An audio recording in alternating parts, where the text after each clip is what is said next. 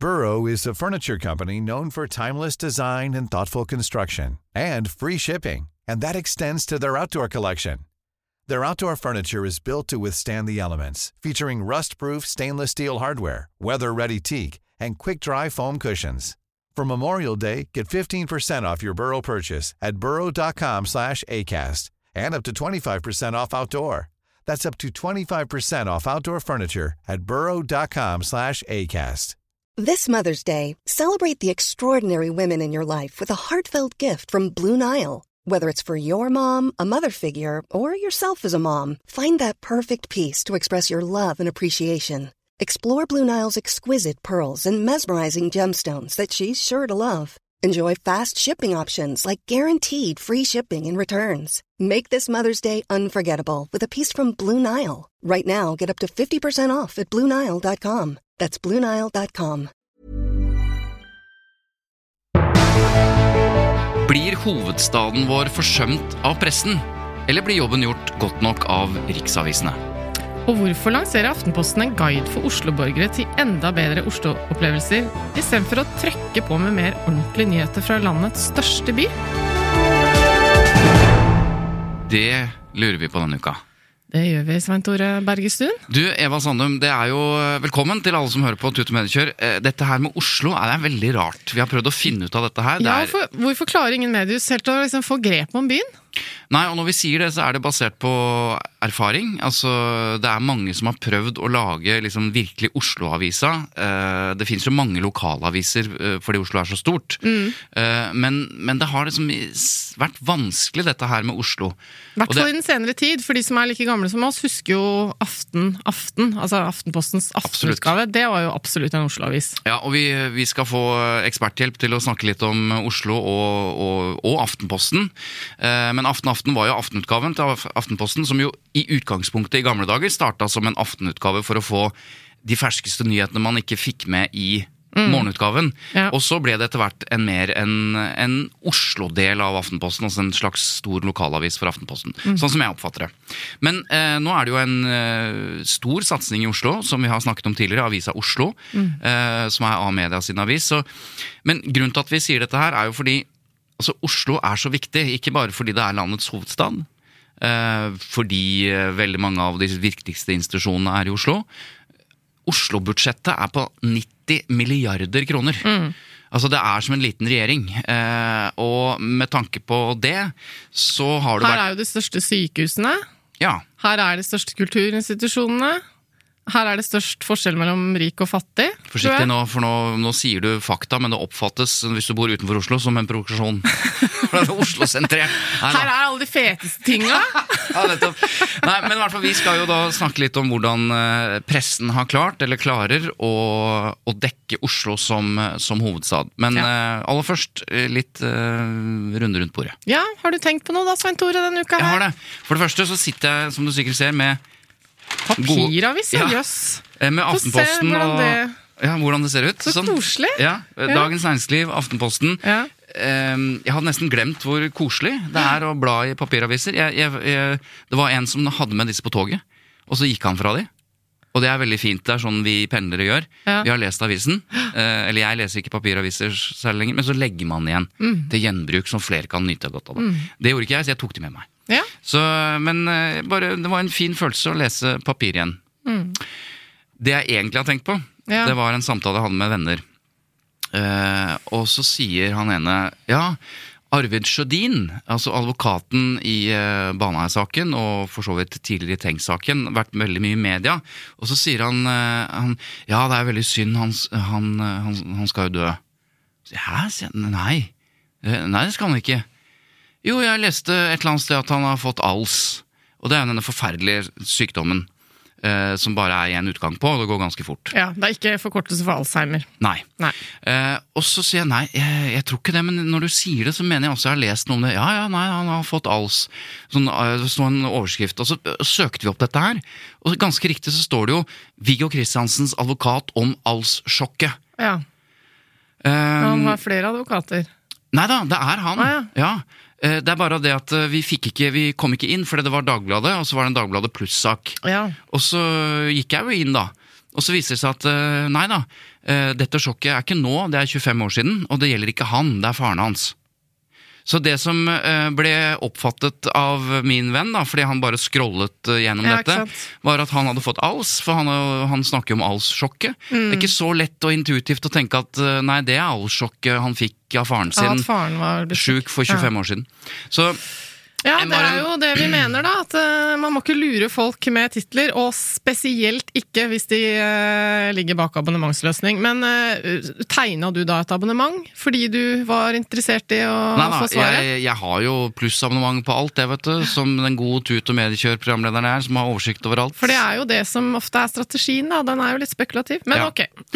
Sånn er det, men det er i hvert fall en påminnelse om at eh, folk scroller og leser og oppfatter, og når vi sitter i sosiale lag, så har plutselig overskriften blitt til en sannhet. Eh, men eh, det er det altså ikke.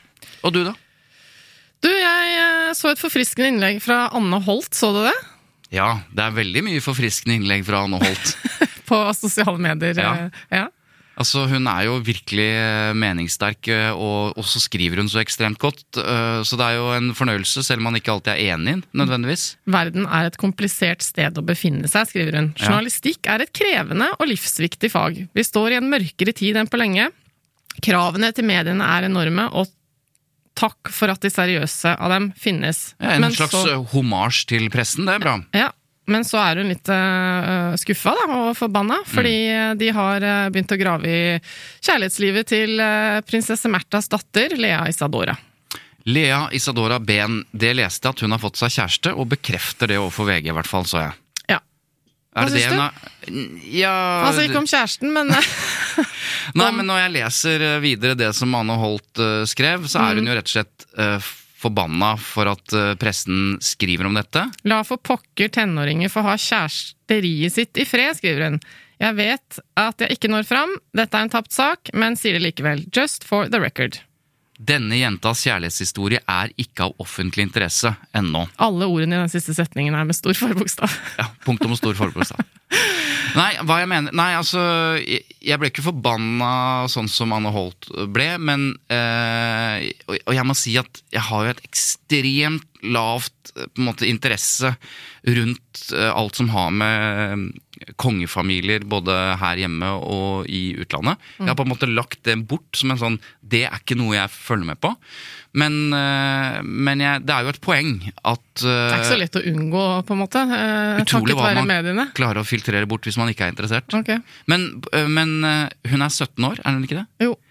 Eh, Jeg syns Anne Holt har et poeng. Eh, Og dette er ikke en kjæreste som en, Altså, dette er ikke i ferd med å bli en forlovelse, hvis jeg, hvis jeg forstår det riktig. Hun har hatt kjæreste i noen uker.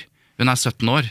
Jeg har døtre på 19 og 22. Jeg vet litt om tenåringers eh, måte til og fra. Uten å, Jo, jo, men nei, jeg mener, vi har vært tenåringer sjøl, og det er jo ikke Jeg skjønner at hun er kongelig. altså, kongelig. jeg var trofast mot en hele tenårene. Utrolig. Men, eh, men poenget er i hvert fall at eh, jeg ser poenget. Jeg tror kanskje at det hadde vært fint om man ventet med å omtale den type kjæresteforhold til kongefamiliens medlemmer før det var jeg vet ikke, Kanskje det er en grense på 18, hadde vært fint. Ja, det blir jo litt liksom sånn fiktiv greie, men altså jeg tror øh, Egentlig så føler jeg at eh, mediene burde unngå å stille henne den type spørsmål når hun er i situasjoner hvor, øh, hvor det liksom er vanskelig, kameraet er på, og hun er 17 år. Øh, og da burde man kanskje bruke den 17-årsgreia og være litt sånn ok, det kan være fristende når du er 17 år og superforelska, og fortelle om det, fordi du syns jo det er verdens største og mest fantastiske ting. Men det du kanskje ikke klarer når du er 17 år, er jo å vurdere hvilken konsekvens har det at jeg villig forteller om denne gode nyheten nå, hvis det skjer noe litt det- tristere ja. i andre enden om noen måneder. For Ja. at det man ikke nødvendigvis tenker over, er jo at pressens logikk er at dersom du står villig og forteller om dette eh, på en eller annen premiere en dag, så, så er det en veldig sånn logisk overførbar eh, sånn eh, regel at da må du også tåle at det blir omtalt når det ikke går så bra. Ja. Sånn er det jo. Og, og det er jo folk rundt henne som har ansvaret, eh, og hun selv som har ansvaret for hva hun velger å dele. Og jeg forsto at hun også hadde delt, om ikke bekrefta Ja, det var ja. noe Instagram, og det Det er er jo sånn kryptiske bilder. Så jeg tror problemet her er at uh, hvis jeg hadde vært uh, presserådgiver for et sånt uh, menneske, da, så er det jo noe med at hvis du ikke ønsker et liv i offentligheten, så må du én ikke starte en influensekarriere. Nei, det Fordi den, eh, den influenserkarrieren den er jo avhengig av at du har et offentlig liv. Mm. Så da er du også avhengig av å skape oppmerksomhet rundt greiene du holder på med, og livet ditt generelt, ofte. Det er sikkert mulig å ha en profesjonell sånn mote, sminkeprofil eh, uten å dele noe annet av privatlivet ditt. Absolutt, det bør man jo få lov til, hvis man går veldig hardt inn for å lage et Mm. skille der, da. Men eh, jeg tror liksom feilen er at når du da svarer på de spørsmålene, så er løpet kjørt. Ja, det er i hvert fall eh, Jeg tror det er i ferd med å, å bli en slags stor misforståelse. Eh, kanskje blant den oppvoksende generasjon som kjenner og er veldig komfortabel med sosiale medier, men Mm. som ikke har noe forhold til redaksjonelle eh, medier eller redaktørstyrte medier, og tenker at man kan liksom, som du sier, skille de to tingene. Ja, Ja. men jeg bestemmer selv hva jeg skal dele, og du har vel ikke noe rett til å ja, du har det, ja. Men det, hvorfor det? Hvorfor kan ikke jeg bare drive med mine ting, og så, og så kan jeg styre over hva mediene skal få tilgang til? Og akkurat den misforståelsen at du tror du kan operere i en slags parallell offentlig univers på sosiale medier, og ikke tro at det er like offentlig som alt annet om du skulle stått på torget og ropt det samme. Det, den misforståelsen der Ja, den er er vanskelig. ja. Og, men jeg vil eh, understreke én ting, og det er at det, det må være mulig å ha et slags offentlig, profesjonelt liv. Altså i form av å være skuespiller som folk ser hele tiden på skjermen, eller ha en eller annen rolle hvor du ofte er i media og snakker om det du kan. Uh, sånn at alle vet hvem du er, Mm. men aldri dele noe fra ditt private liv. Og men hvis du er helt selv. konsekvent på det, da må du kunne si at hei, hei, hei, at jeg har solgt huset mitt eller eh, gjort et eller annet, eh, vært i brudd og sånn, det har dere ingenting med. Selv om jeg heter sånn og sånn. Det må være mulig, men da må du selv liksom fra første stund bare være utrolig nøye med å aldri drive og Ja. plapre om det i mediene. Det, det mener da- jeg da, og det er vanskelig for en 17-åring. Ja, ikke minst. Selvfølgelig. Eh, akkurat til det siste, jeg er enig i at hvis du ikke deler noen ting fra ditt privatliv, så vil terskelen for redaksjonelle eller redaktørstyrte medier øh, være høyere. Det hvordan- mener jeg de skal være, og Ja, det være. viser jo PFU-fellelser og uttalelser også. Ikke at- alltid. Nei, men ofte så bruker man det som argument, at man har søkt offentligheten, og da mener man Ja, men aktivt søkt Det, offentligheten. det jeg mener PFU ofte ikke vurderer bra nok, etter min mening, Mm. er at de misbruker det begrepet du akkurat sa. At man har søkt offentligheten. Ja, det kan man gjøre da. på ulike måter. Vi, vi, vi vet jo bedre enn PFU, så vi kan, jo, vi kan jo skille det. Søkt offentligheten er at man søker en offentlighet f.eks. For fordi man eh, av offentligheten lever av det. Søker aktivt ut i pressen når det passer. Benytter seg av det, I kanskje tjener penger virke, i sitt eller- profesjonelle virke. Mm. Mens hvis du bare gjør en jævlig god jobb og blir kjent for det fordi du står på en scene, eller da, det er jo ikke å søke en offentlighet, det er å gjøre jobben din i offentlighet. Og det er det hadde vært fint om de hadde skilt litt oftere på, da. Ja. Det ble en lang runde rundt bordet, det, Eva Sandum. ja, men det var vel koselig, det. Nå er det hovedsaken, og det handler om hovedstaden. Hovedstaden vår, Oslo, eller Kristiania, da, som det het eh, i gamle dager. Den het Oslo før den het Kristiania, så Ja, ble det Oslo igjen. Ja. Ja. Eh, men det var ikke det vi skulle snakke om. Vi skulle snakke om hvordan pressen eh, dekker Oslo. Ikke bare det som skjer av riksinteresse i nasjonalforsamlingen, men, men lokalt. La oss ta en litt sånn kjapp greie. Hva er det vi kommer på av typ Oslo-presse? Altså, Du sa Avisa Oslo, og så er vi litt eh, Når det gjelder Aftenposten, så er vi litt sånn usikre. Og så har vi en avis som heter Vårt Oslo, Ja, jeg, jeg tror jeg det er tror bare er en en sånn nettavis. Jeg tror det er eh, Jeg kommer tilbake til det, men jeg oppfatter at det er mer sånn guideaktig. Kanskje. Jeg Ja. kjenner det ikke så godt. Og så er det eh, Dagsavisen, Nettavisen og jeg vet ikke, Klassekamp. Det er jo en del aviser som har tilholdssted i Oslo, og som kanskje jobber litt mer i Oslo enn resten av landet av den grunn, men det, jeg tror ikke vi oppfatter det som en Oslo-avis. Dette er veldig interessant, fordi det du nevnte nå, altså Klassekampen, Dagsavisen, eh, det er jo, eh, for meg er det, det er jo riksaviser, Ja. eh, men har tilhold i Oslo. Alle aviser har tilhold i Oslo. Så er spørsmålet, Aftenposten er mer interessant, for der har vi hatt en liten diskusjon, Ja, hvor jeg insisterer på at Aftenposten er en riksavis, som selvfølgelig med sitt Aften Aften, eh, altså aftenutgaven av Aftenposten, som, var, som ja de vi hadde før. fra 2012, fins jo ikke den lenger, da. Er, er det så lenge siden Mm. Aften Aften ble lagt ned? Jeg har vært på Google, jeg skjønner du. Ok, ok. Men, eh, og når den aften, aften ble lagt ned, så, så ville jo Aftenposten ha en Oslo-dekning også. Men poenget er at jeg oppfatter ikke, jeg oppfatter ikke Aftenposten som en Oslo-avis, Ja. men som en riksavis. Nei, Vi satt og snakka om dette her i går, og jeg, ehm, jeg tenker at eh, Aftenposten er jo Oslo omegns lokalavis, på en måte. Altså, det er den eh, regionavisen som har eh, sitt tilholdssted i Oslo, og som spesielt dekker Oslo-området. Eh, sånn som Stavanger Aftenblad, for eksempel, dekker Stavanger, og Bergensavisen og, Bergens Tidende og sånn dekker Bergen. Og Adresseavisa, ikke sant? Tenker jeg. Ja, og det er der jeg protesterer, fordi Aftenposten er jo ikke bare en, en variant av uh, Stavanger Aftenblad, Adresseavisen og Bergens Tidende som helt som, er, som heter distriktsaviser. Ja. Og det er der vi ikke Men jeg tror at Nei, for jeg, sånn som jeg sa, når han mannen i Thereses gate ble drept Mm. Eller Vi bare hadde det som et eksempel i går, og så, og så Da tenker jeg at eh, når noe sånt nå skjer, så er alle aviser på. eh, nasjonale som lokale. Ja. Men så er min logikk at eh, når det går litt tid, da går jeg heller til Aftenposten enn til VG for å liksom fortsette å høre om den saken fordi den er lokal. Det er logikken i mitt hode. Men det er bare fordi At du har hatt Aftenposten på døra, tettere. eller som en abonnementsavis fordi du bor i Oslo, så tenker du det, tenker jeg da. Jeg forventer at eh, den avisen eh, følger Oslo-saker eh, litt dypere og litt lengre. Ja, og det, og og det gjør de fordi de har uttalt at de skal dekke Oslo bedre. Men jeg mener det er en adskilt det- det- altså, jeg, vil skille mellom, jeg vil skille mellom Aftenposten som riksavis og Oslo-dekningen som de også Ja. driver med. da. Men så Jeg tror vi må seg få hjelp jeg, til å finne ut av dette her. Ja, jeg, jeg, jeg, jeg, jeg fant jo litt ut av det før vi introduserer gjesten vår. For, jeg, for Espen Egil Hansen, som var redaktør i Aftenposten, og Trine Eilertsen, som er det nå, har begge sagt Ja. noe om at Aftenposten er en slags Altså, de sa noe som jeg ikke likte, da. Ja. Eh, Som Altså ga deg fordi det ga meg rett. eh, riktig. Ja. Ja. Og det- Hva er det de sa da? Nei, jeg har ikke lyst til å gå Kom igjen, nå. Kom igjen nå. Må du innrømme din uh, skråsikkerhet uh. Ja, ok da. Eh, eh, Han, han sa i 2018, tror jeg det var, Aftenposten har tre posisjoner. Vi bor i Oslo, har hjertet vårt her, og hovedstaden dekker vi spesielt tett. Samtidig som vi dekker de store samfunnsendringene i Norge, i Norge og resten av verden.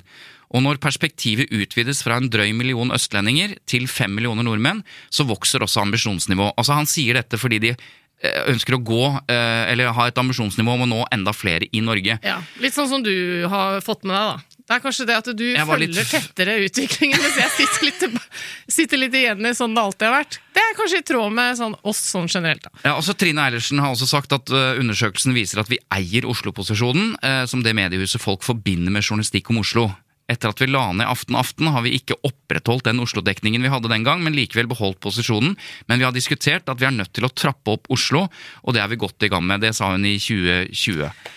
Så Men ok, da. Greit. Det, det beste, greit. Egentlig det viktigste eksempelet på at jeg har mest rett, det er at eh, denne uka så har Aftenposten lansert et nytt produkt, eller en ny satsing, eller en ny avdeling, vi vet ikke hva vi skal kalle det, en ny slags eh, tjeneste slash avis, som heter Vink. Og det er jo en Oslo-satsing. Ja, det er det ingen tvil om, Ja. Eh, så det er jeg klar over. Så da ønsker vi velkommen til ja, kulturredaktør i Aftenposten, Cecilie Asker. Takk.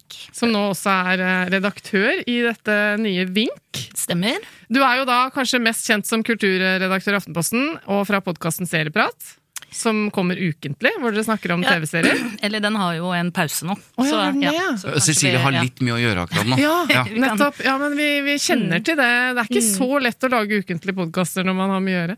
Og så har du jo vært kommentator og anmelder og avdelingsleder i avisa, og du har vært kulturjournalist i Dagbladet og Ja. Avis 1, for de som husker den.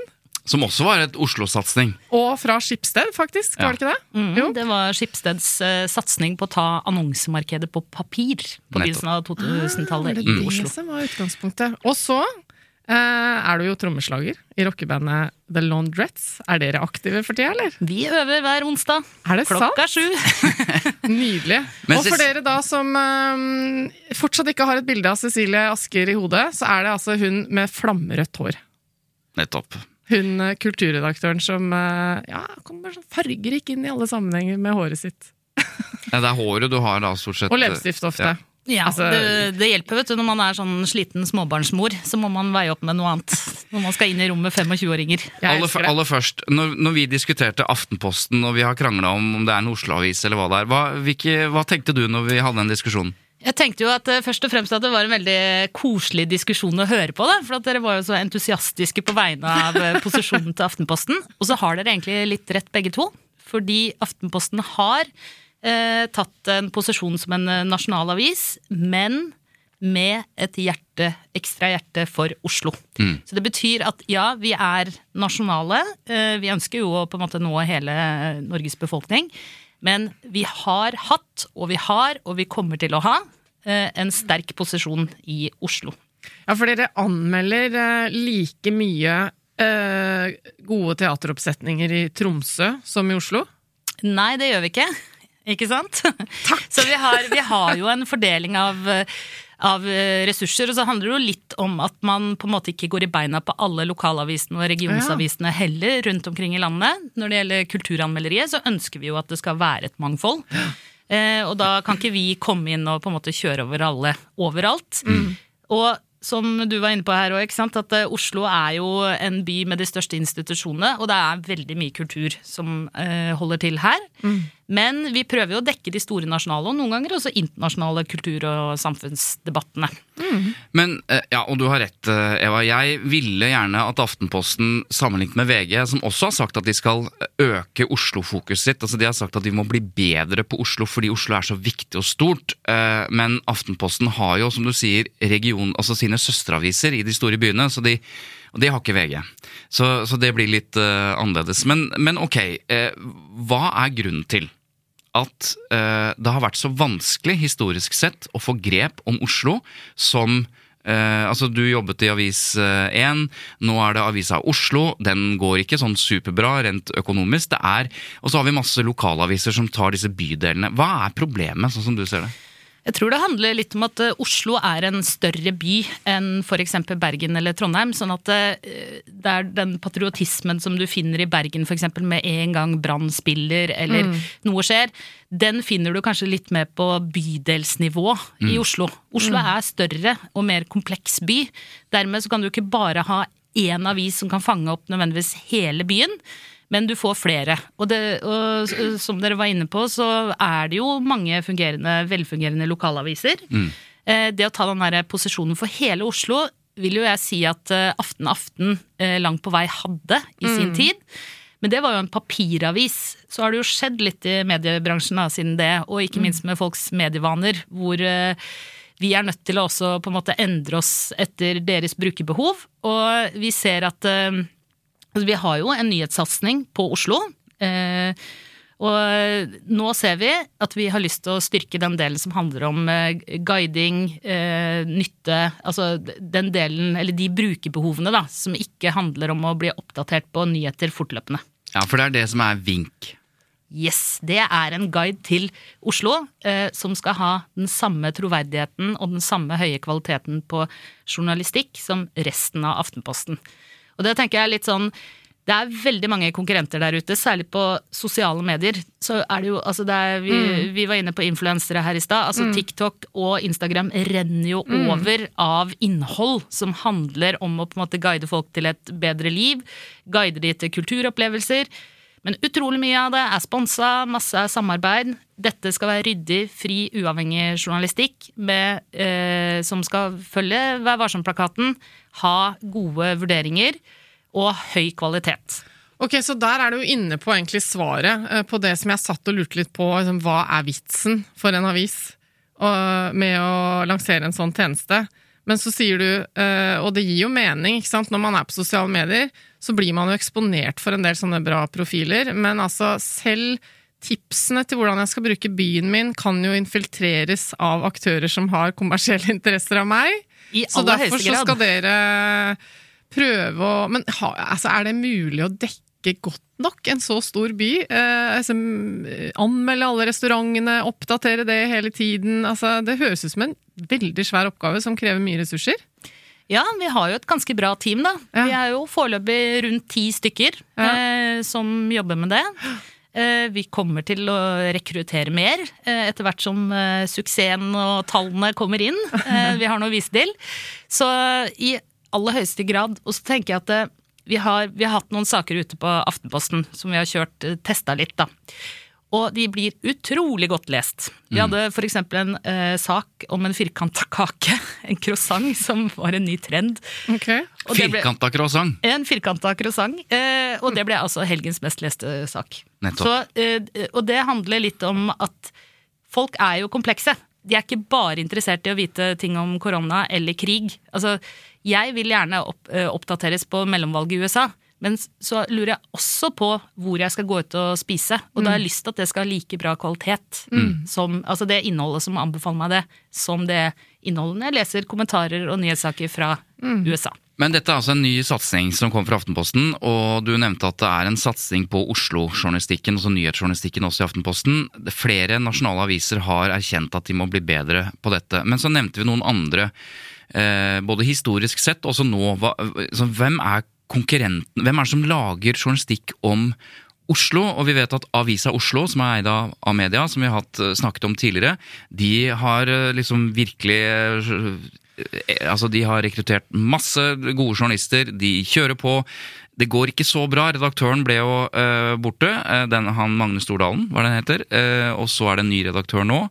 Men Han ble borte i form av at han mistet jobben, ja. Ja, han, ble, han Ja. fikk, fikk vel beskjed om at det var ikke noen gode, gode nok resultater, så da ble man enige om at han skulle fortsette i A-media. Ny redaktør som kommer fra en annen lokalavis i Oslo, Kristin Stoltenberg. Ja, fra fra Nordstrand. Ikke sant? Ja, mm. Eh, Du, apropos lokalaviser i Oslo, det har vi ikke nevnt, men er- har du noe peiling på hvor mange sånn cirka? Jeg har ikke helt oversikt over alle papirlokalavisene. Eh, fordi de har jo på en måte en litt annen målgruppe. Ja. Altså De skal drive med loka hyperlokale nyheter. Eh, og i mye større grad kanskje lanseringsjournalistikk. da. De har en litt sånn annen, de skal jo på en måte heie opp nabolaget. Ja.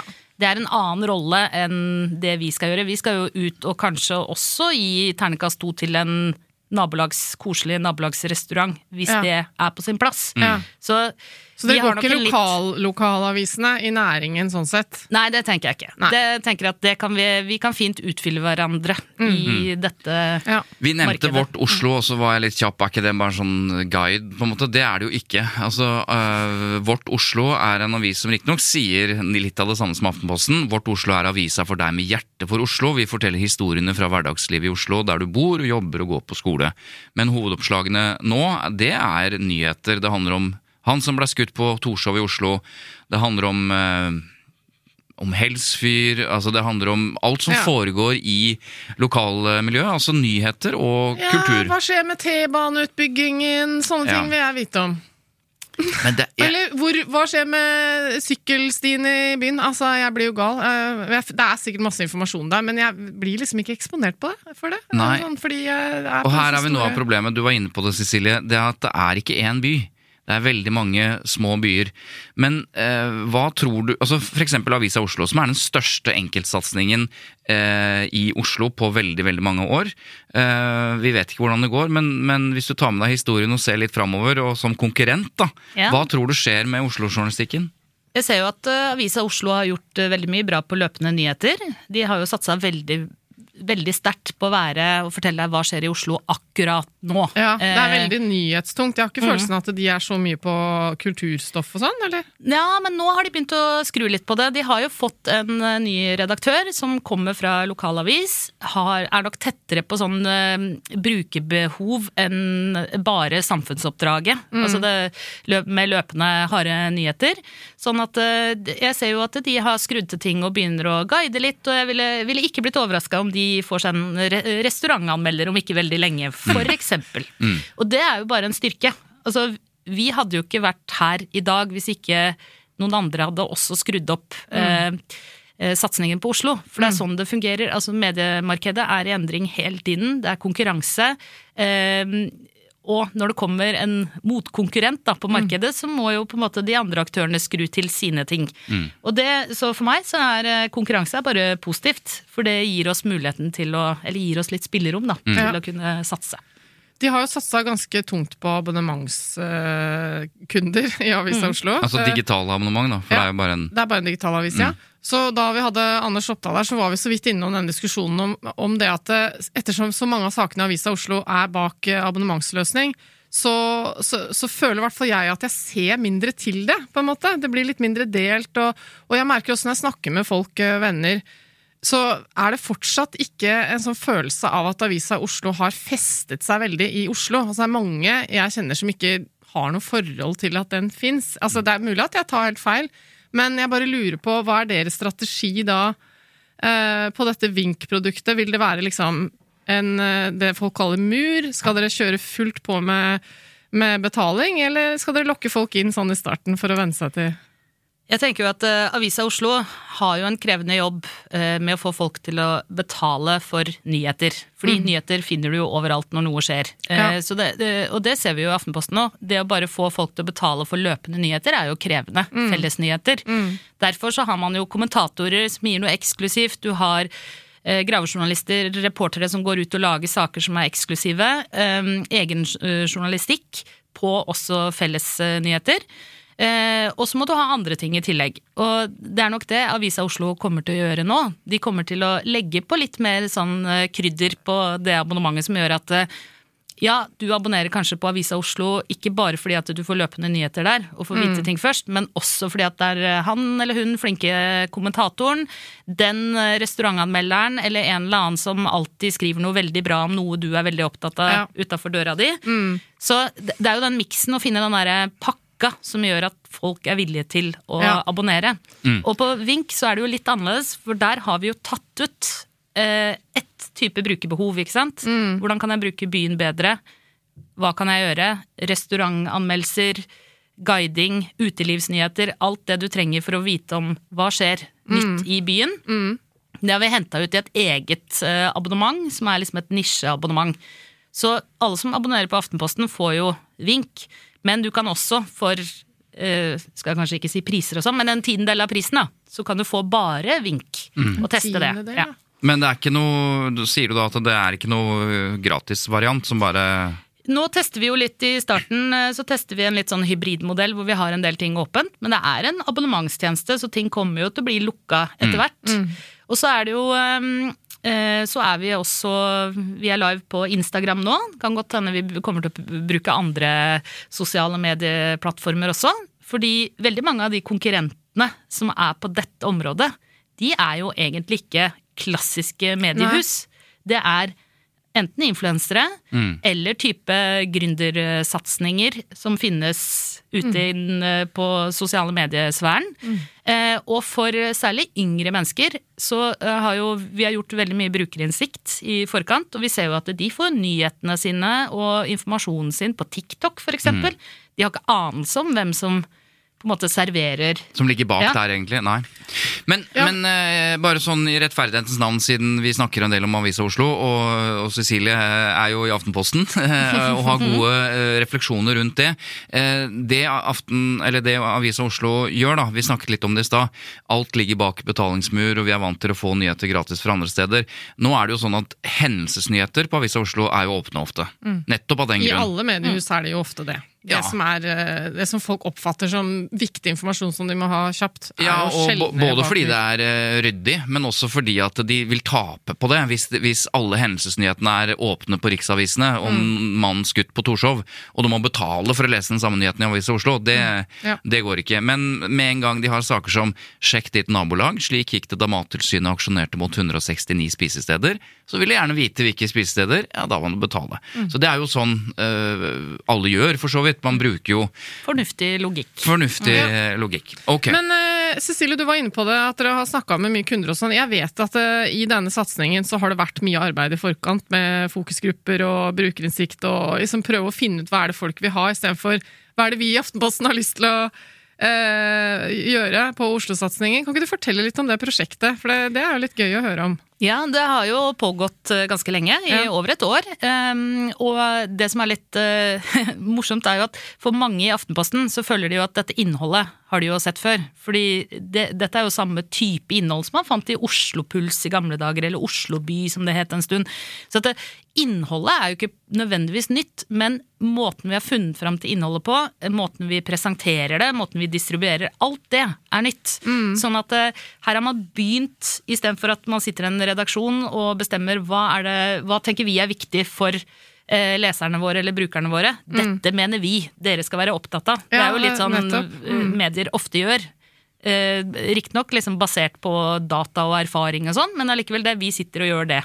Så har vi eh, begynt med på en måte produktutvikling, og vi har begynt med å se på Hva kan vi lage? Hva, hva er det brukerbehovet? Og det er jo å få en troverdig og engasjerende tjeneste for man kan, hvordan man kan bruke byen bedre.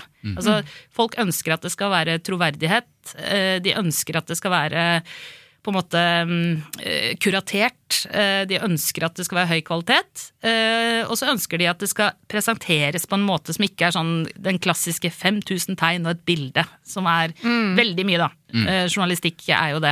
Så er det viktig å si at det er litt andre folk enn tradisjonelle journalister og pressefolk som også har fått lov å liksom være med å utvikle dette? Ja, ja, For det, det- ser ikke mm. så journalistisk ut. Når jeg er inne på Vix, Mm. så får jeg følelsen av at det ikke er et avisprodukt, sånn som du sier. da. Det er ikke så tradisjonell eh, avis.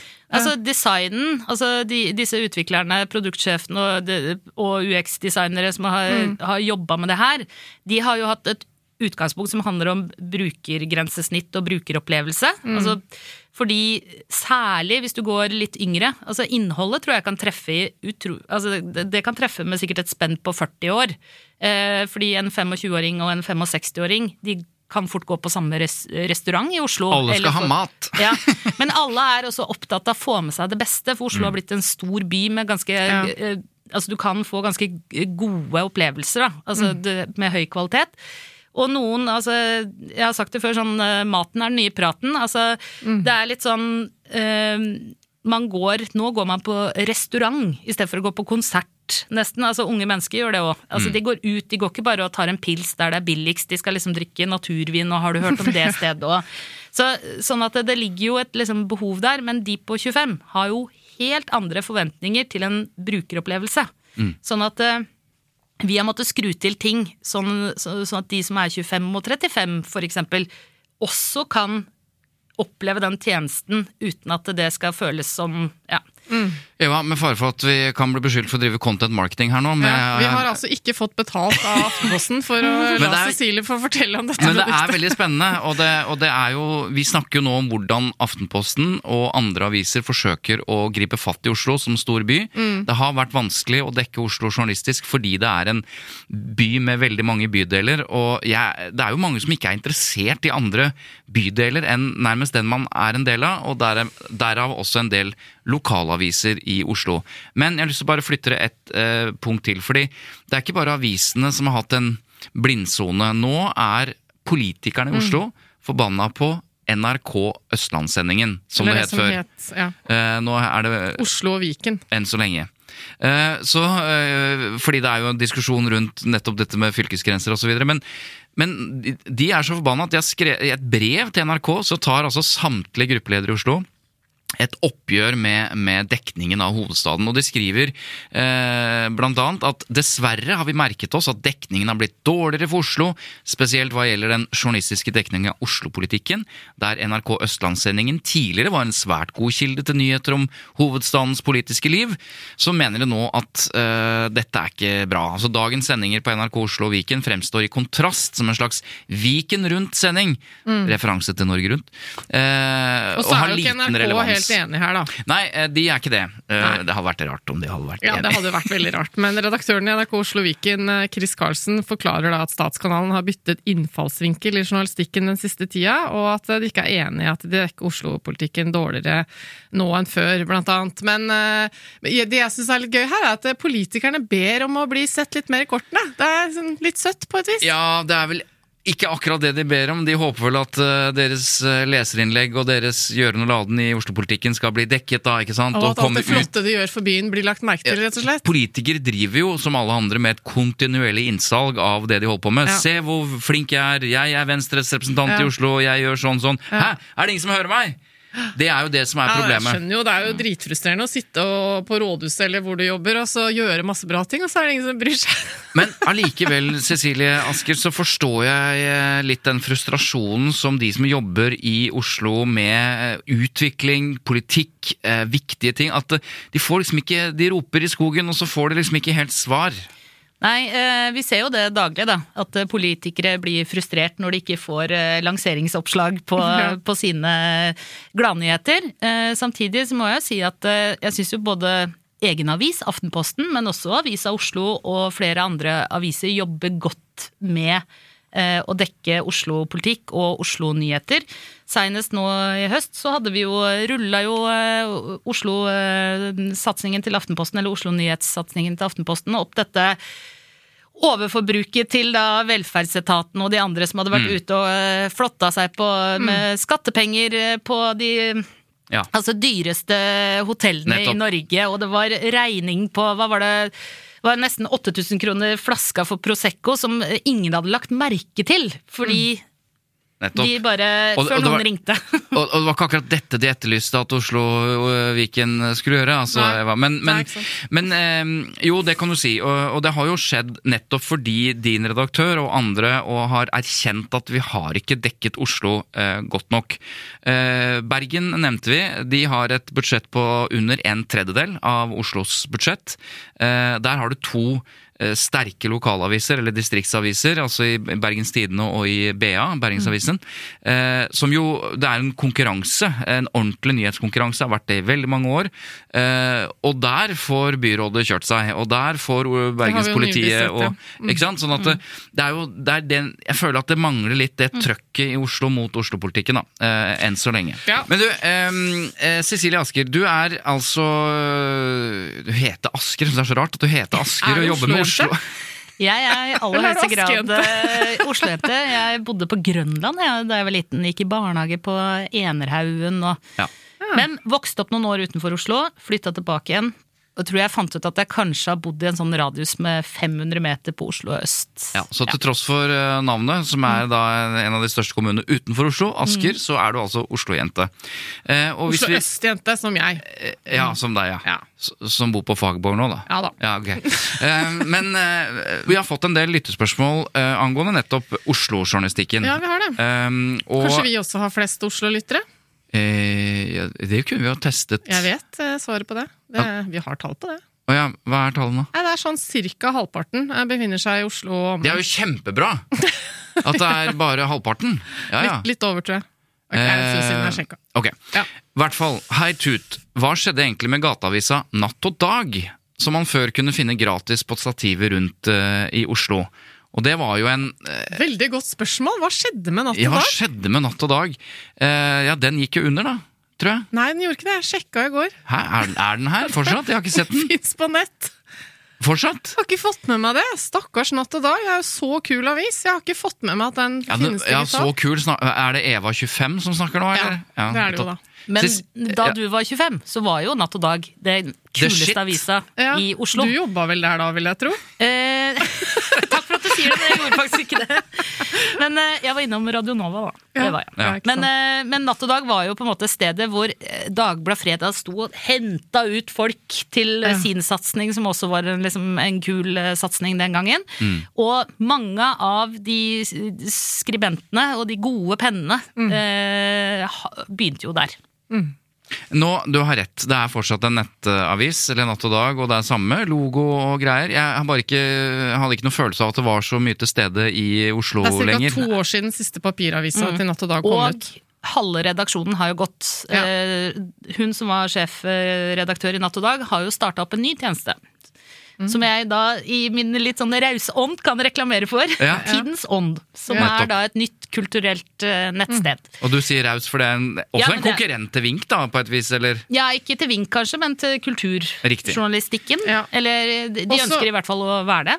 Det er grunn til å tro at Natt og Dag sleit ekstra under koronaen. da Det var mye permitteringer, naturlig nok når du dekker kulturfeltet, kanskje. Eh, Så det var kanskje litt av det som bidro til at det ble ekstra vanskelig, vil jeg tro. Ja, og så tenker jeg at eh, på et eller annet tidspunkt så må jo eh, digitale endringer, medie, endringer i medievaner, det må jo også treffe natt og dag. Eh, at det skal være en papiravis i, 2022 er jo egentlig litt rart. Egentlig burde jo de vært på TikTok, tenker jeg. Hvis Ja. de er litt sånn first movers. Kanskje de skal leie inn deg som sånn eh, konsulent. Jeg tror Cecilie har nok å gjøre akkurat nå, som kulturredaktør og, og ansvarlig for, for Vink-prosjektet. Men vi har et annet lyttspørsmål. Det har vært mye snakk om Oslo eh, og mangel på egen avis. Det har vi snakket om i dag. Og så kom Avisa Oslo for et par år siden. Men stort sett alt de lager av journalistikk er plussaker. Hvorfor det er en lur strategi? Det har vi berørt. Ja, det det. Eh, men eh, men eh, jeg tror nok Jeg har lyst til å legge til en ting når det gjelder Avisa Oslo og Amedia, siden vi har snakket en del om det.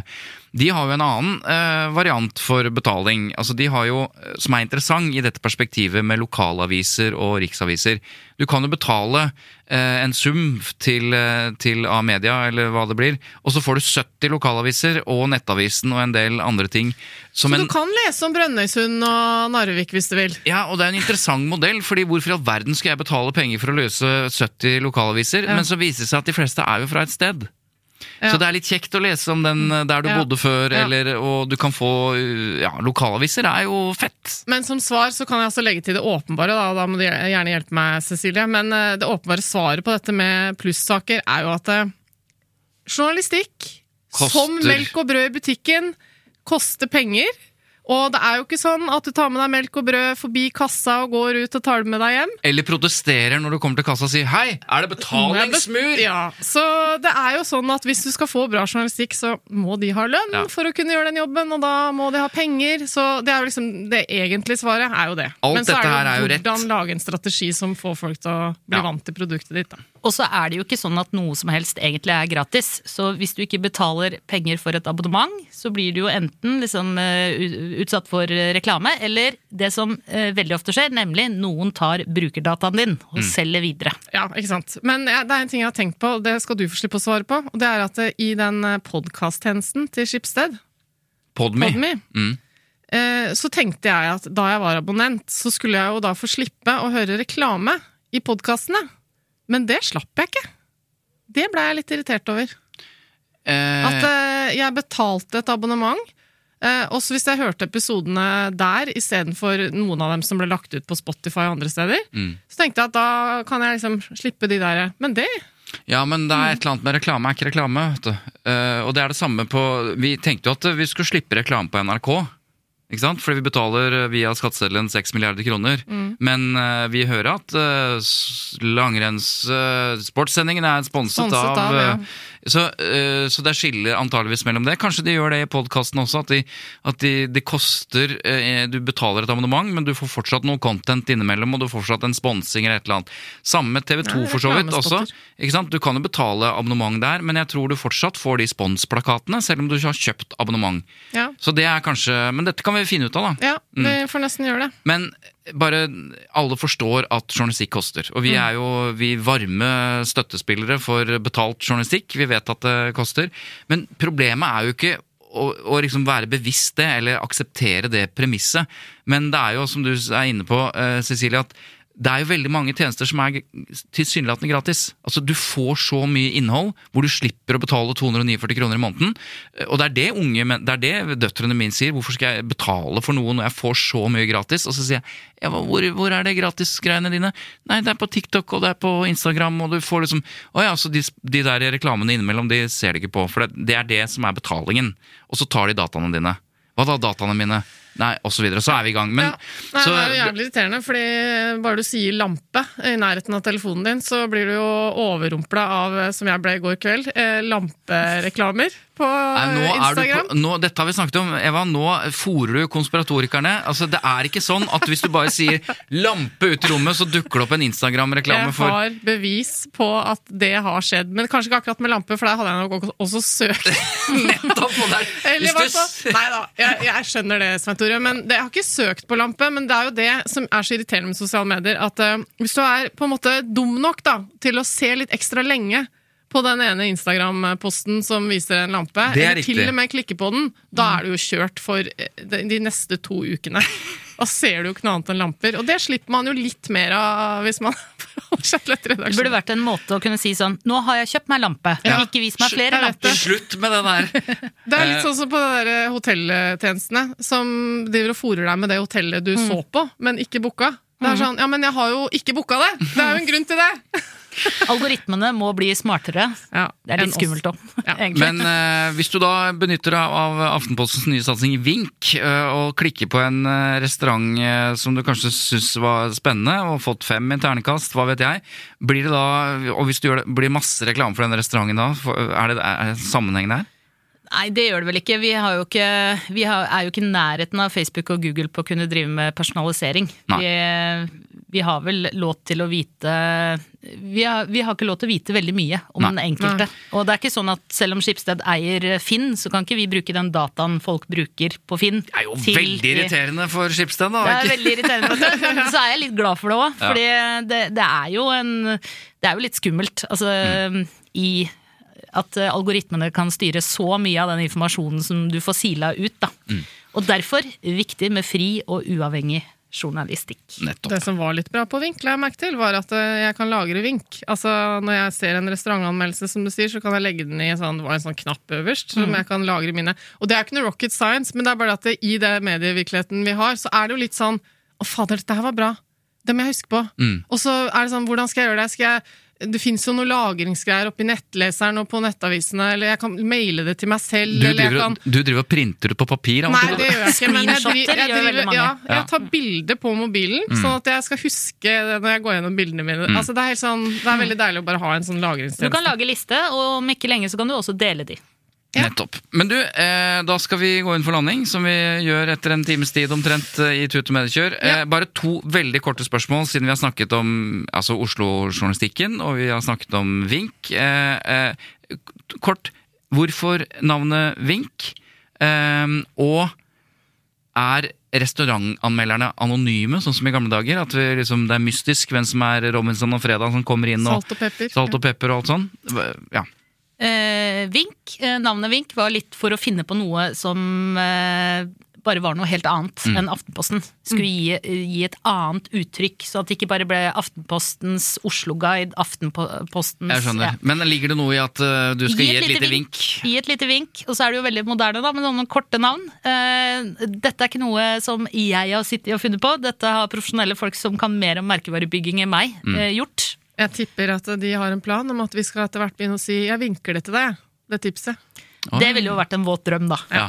Å bli et verb. Det er liksom- Du bare legger den helt gratis uh, ut der til Jeg er bruk. ikke den første som har tenkt på Mm. Og så dette med anmelderne, for det er det dere skal gjøre. Å tørre å anmelde Oslo-restauranter eh, til to i terningkast, selv om dere elsker Oslo. Og der har vi altså rett og slett nå eh, kommet ut av skapet. Eh, nå er restaurantanmelderne De kommer heretter til å skrive under fullt navn.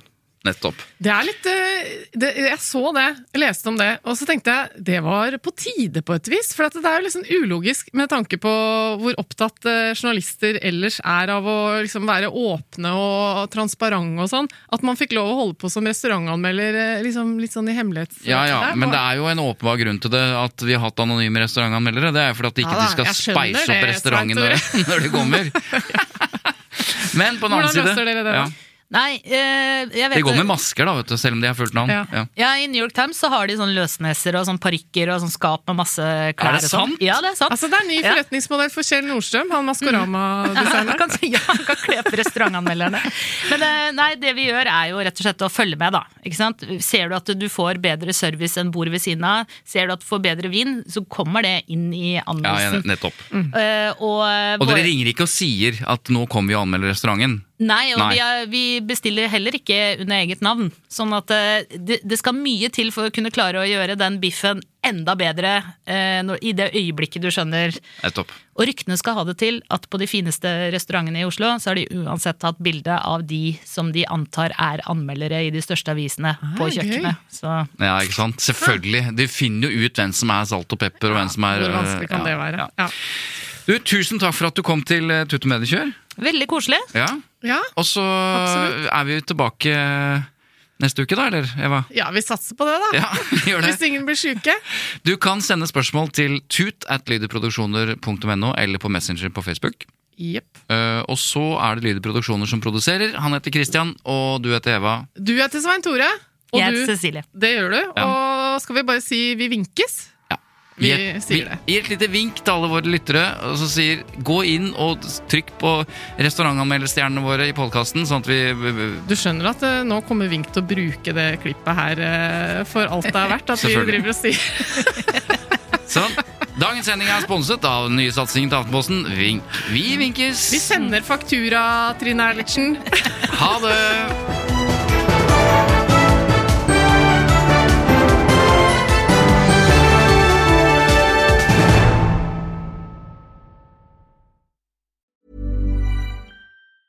Normally, being a little extra can be a bit much, but when it comes to healthcare, it pays to be extra.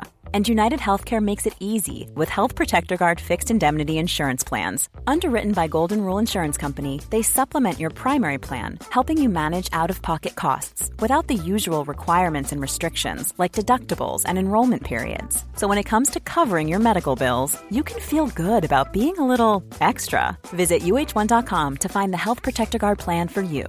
Hey, it's Paige DeSorbo from Giggly Squad. High quality fashion without the price tag. Say hello to Quince. I'm snagging high-end essentials like cozy cashmere sweaters, sleek leather jackets, fine jewelry, and so much more. With Quince being 50 to 80% less than similar brands. And they partner with factories that prioritize safe, ethical, and responsible manufacturing. I love that. Luxury quality within reach. Go to quince.com slash style to get free shipping and 365 day returns on your next order. Quince.com slash style.